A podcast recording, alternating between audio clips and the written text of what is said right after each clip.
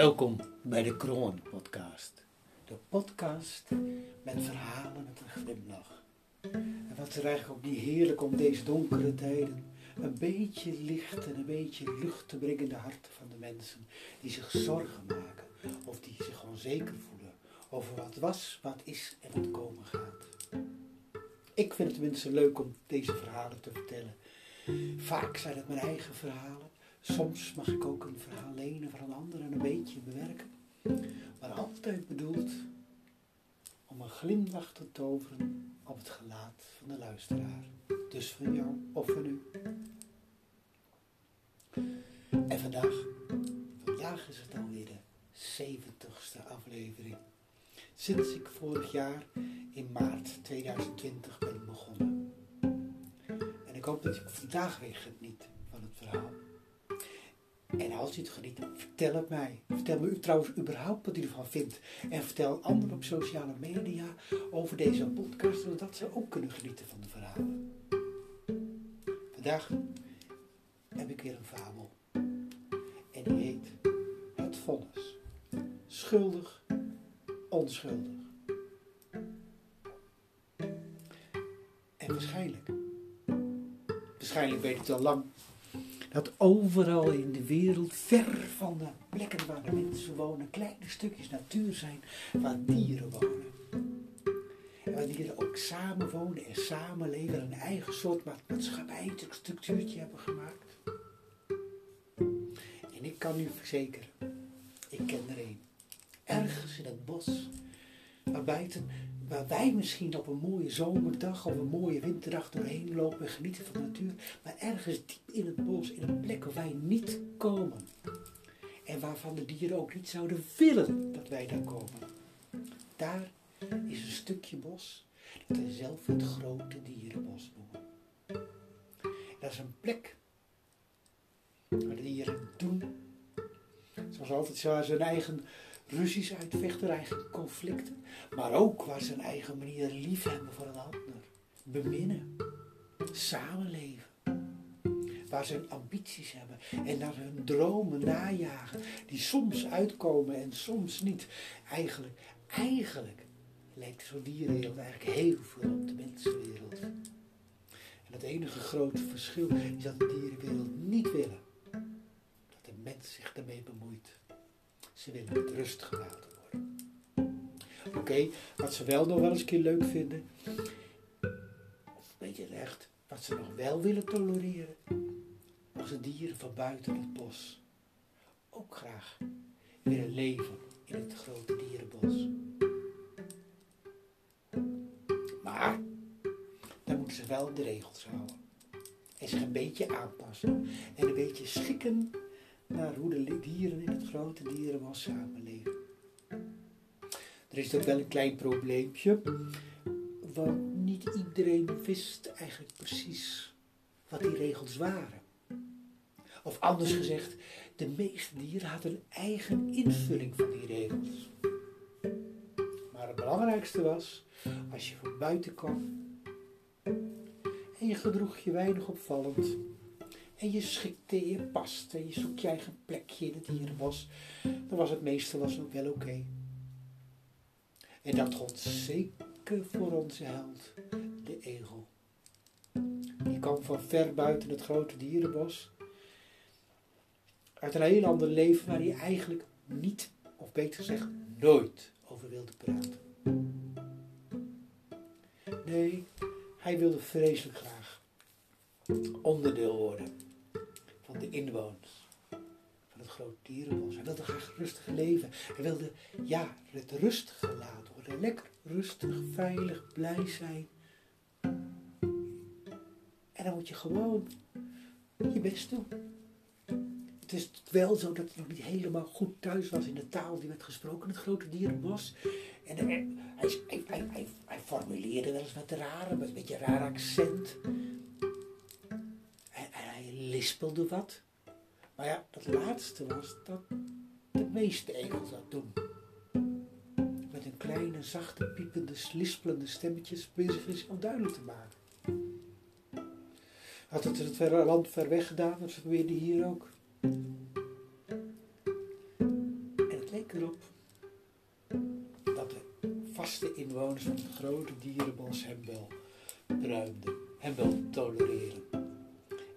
Echt het gevoel dat hij stap voor stap voor stap op weg was naar volledige acceptatie, naar volledige integratie, naar een volledige lidmaatschap als inwoner van het grote dierenbos.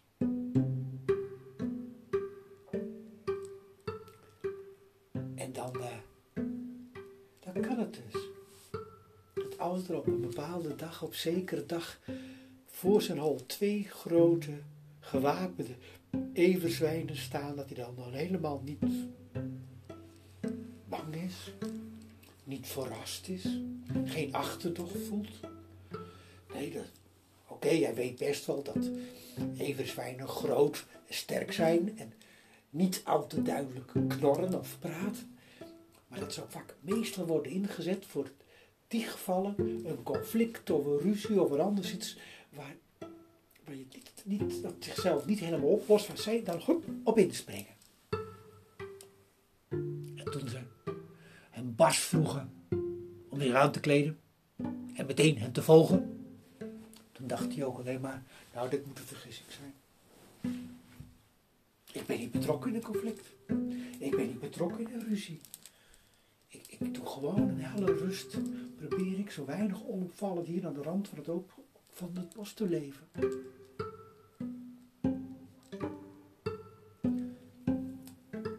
eindelijk werd afgeleverd bij de Everswijnenburgt aan de rand van het open plek midden het grote dierenbos. En de hoofdeverswijn van dienst, die door het loket over hem heen boog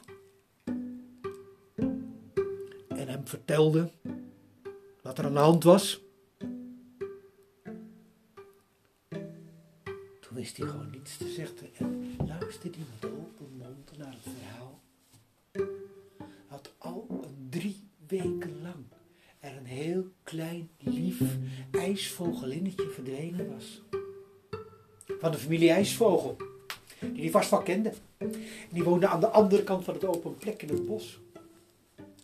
Vader ijsvogel, moeder ijsvogel en twee kinderen. Een ijsvogeljongetje en een ijsvogelmeisje, ijsvogelinnetje. En zij was al drie weken verdwenen.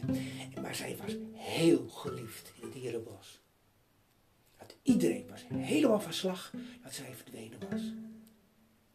En daarom waren zijn everzwenen erop uitgestuurd om overal te zoeken. Om overal rond te struinen. Maar ze hadden haar nog niet gevonden.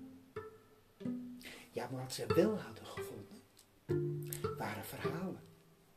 Verhalen dat er sinds kort een nieuw lid, een nieuw dier van buiten het bos hier was komen wonen. En die, die echt heel anders was dan alle andere dieren. Die heel veel stekels op zijn rug had. Nou, en dan wist je het wel. Van die gevaarlijke dingen. En dat was echt zo'n dier waarvan je meteen gewoon denken van, nou, zo'n klein meisje, zo'n klein ijsvogelinnetje gekidnapt en waarschijnlijk de vreselijkste, vreselijke dingen eruit gehaald. Begrijp je wel?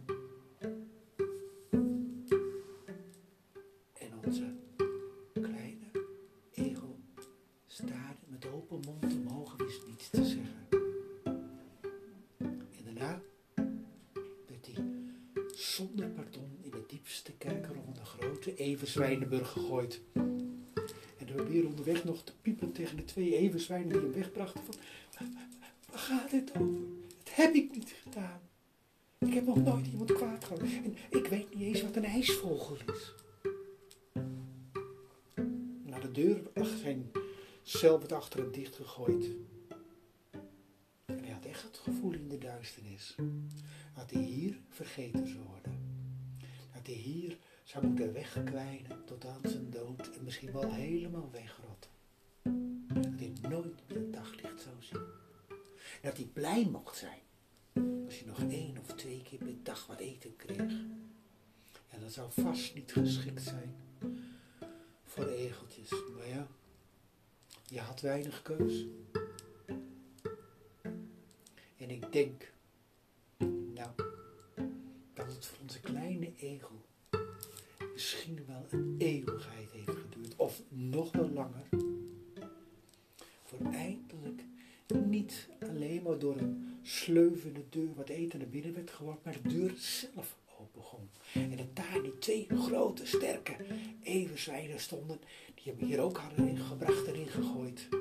En alleen maar Bart zeiden van, nou, kom mee, jouw tijd is gekomen. Rechtbank, de rechter zal over jou beslissen.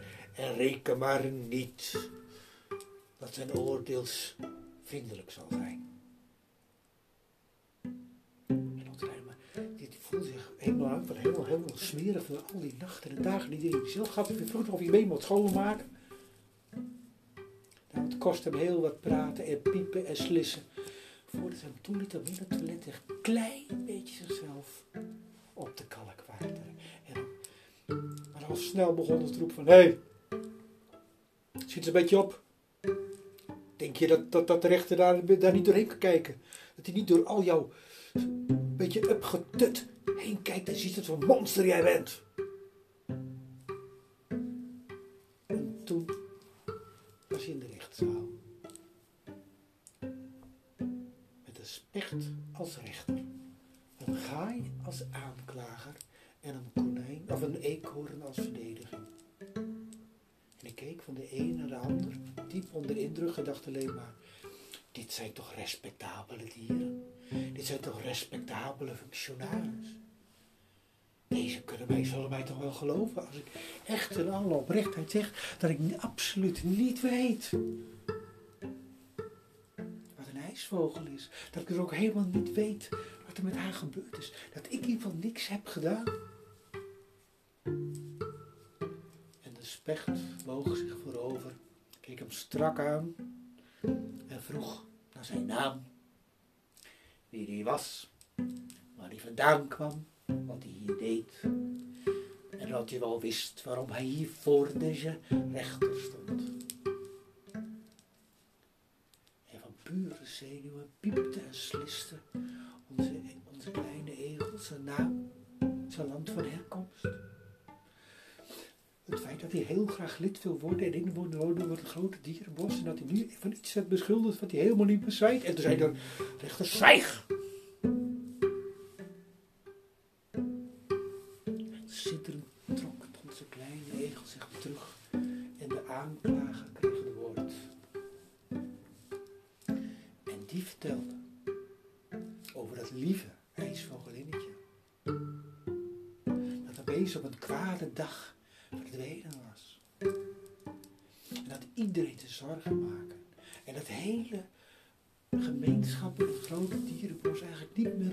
Naar buiten dorsten omdat ze bang waren dat ook hun kinderen zoiets overkomen.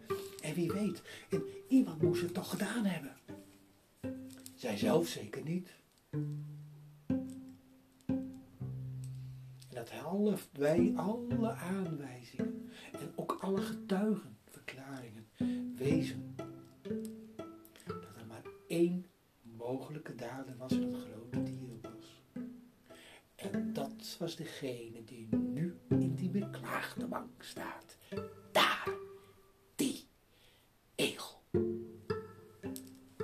En onze egeltjes sidderden van angst. En toen mocht de verdediging.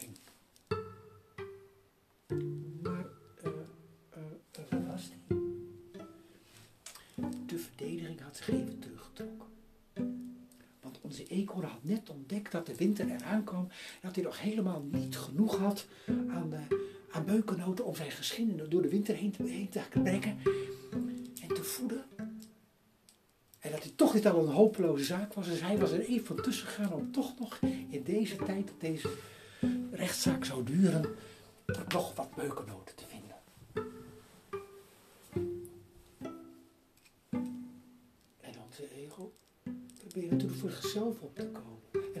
Nog een keer piepend aan de rechter duidelijk te maken dat hij het niet kon, kon zijn, omdat hij veel te kort in het grote dierenbos woonde. Dat hij niet wist dat er een ijsvogel was. Laat staan doordat hij een ijsvogelinnetje had gekidnapt. En misschien wel de dingen had uitgehaald. Hij zou nooit zoiets doen. Hij had het zeker ook niet gedaan. En er waren ook helemaal geen bewijzen. Kwam de donderende stem van de rechter, de specht weer, dat hij moest zwijgen. Dat zijn bek moest houden. En dat hij moest luisteren. Dat hij als rechter even moest nadenken. En toen wist de egel het. Het brak opeens als zo met inzicht tot hem door. Dat hij hier geen schijn van kans had. Bleek ook wel. Toen de, e- toen de specht eindelijk weer de aandacht op hem richtte en zei van... Wel, ik heb nagedacht. En ik moet toegeven, er is geen doorslaggevend bewijs. We hebben jou, jouw stekels niet gevonden in het lichaam van een ijsvogelinnetje. We hebben haar helemaal niet gevonden. En waar je haar hebt verstopt en waar je de meeste vriendelijke dingen met haar hebt uitgevroot, waar je haar hebt vermoord, we weten het niet. Maar alle aanwijzingen en alle getuigenissen doen vermoeden. Met een aan zekerheid grenzende waarschijnlijkheid dat jij met jouw stekels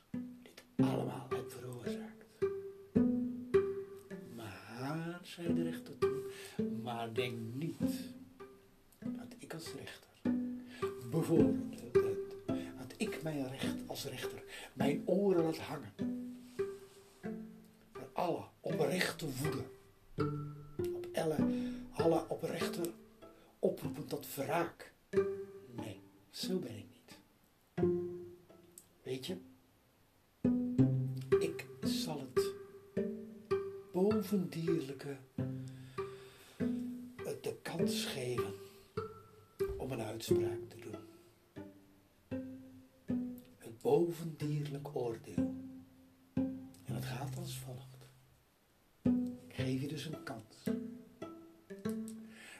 Mij lag, nee, ik geef jou een oprechte kans. Ik heb hier twee papiertjes. Op één schrijf ik schuldig en op andere schrijf ik onschuldig. Jij pakt het en leest hardop voor. En weet dat wanneer het bent dat jij het pakt, het bovendierlijke oordeel jouw hand heeft geleid. En wat er op papiertje geschreven staat, dat zal jouw vonnis zijn.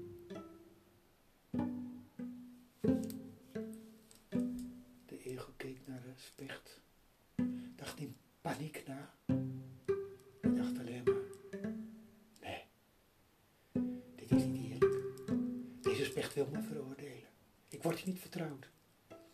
En hij was opeens totaal van overtuigd dat de specht op beide papiertjes het woordje schuldig geschreven. Dat hij het alleen maar deed om naar de buitenwacht en naar hem de indruk te wekken.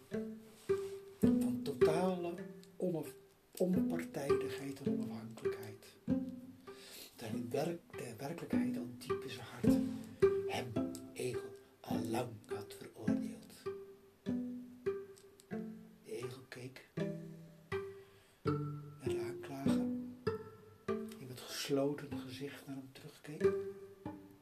En ik keek naar de plek van de verdediger die leeg was, opdat de eco nog steeds bezig was beukennootjes te zoeken. En ik keek naar de publieke tribune, ja, tribune waar hij allemaal felgekleurde wezens zag zitten, vogels zag zitten, waar hij vermoedde dat dat wel ijsvogelsfamilie zouden zijn.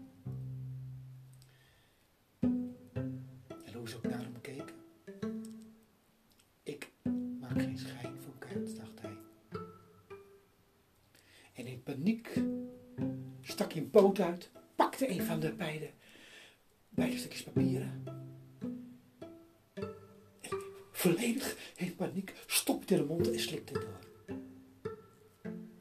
En er ging een golf van ontzetting door de rechtszaal heen. En de specht rees omhoog, sloeg zijn vleugelzuig en keek hem met overdonderende, woedende blik op hem neer. Hoe kun je dit doen? Dit was je enige kans op een eerlijke uitspraak. Het bovendierlijke had jou kunnen redden. En hij zei, ja maar meneer de rechter, het spijt me, ik was helemaal in paniek. Maar, maar, maar, meneer de rechter, meneer de rechter, oh, wacht even, we hebben nog een oplossing. Het kan nog steeds. Het enige wat u hoeft te doen, pak uw papiertje, lees voor. En dan weet u, wat ik in mijn paniek papiertje met de tegenovergestelde uitspraak heb doorgeslikt. En diep in zijn hart wist de egel dat als de specht dat zou doen,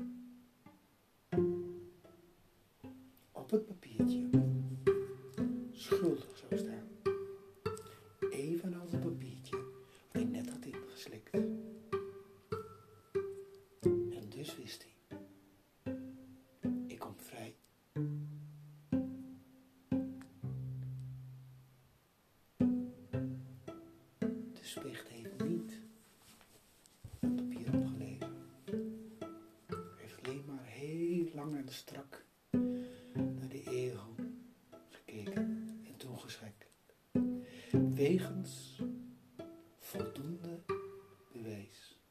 Sterker nog, wegens gebrek aan een overtuigend bewijs wordt de zaak tegen u geseponeerd. Ik zeg niet dat u onschuldig bent, maar wel de zaak is geseponeerd. En nog een dag later ging onze egel op zoek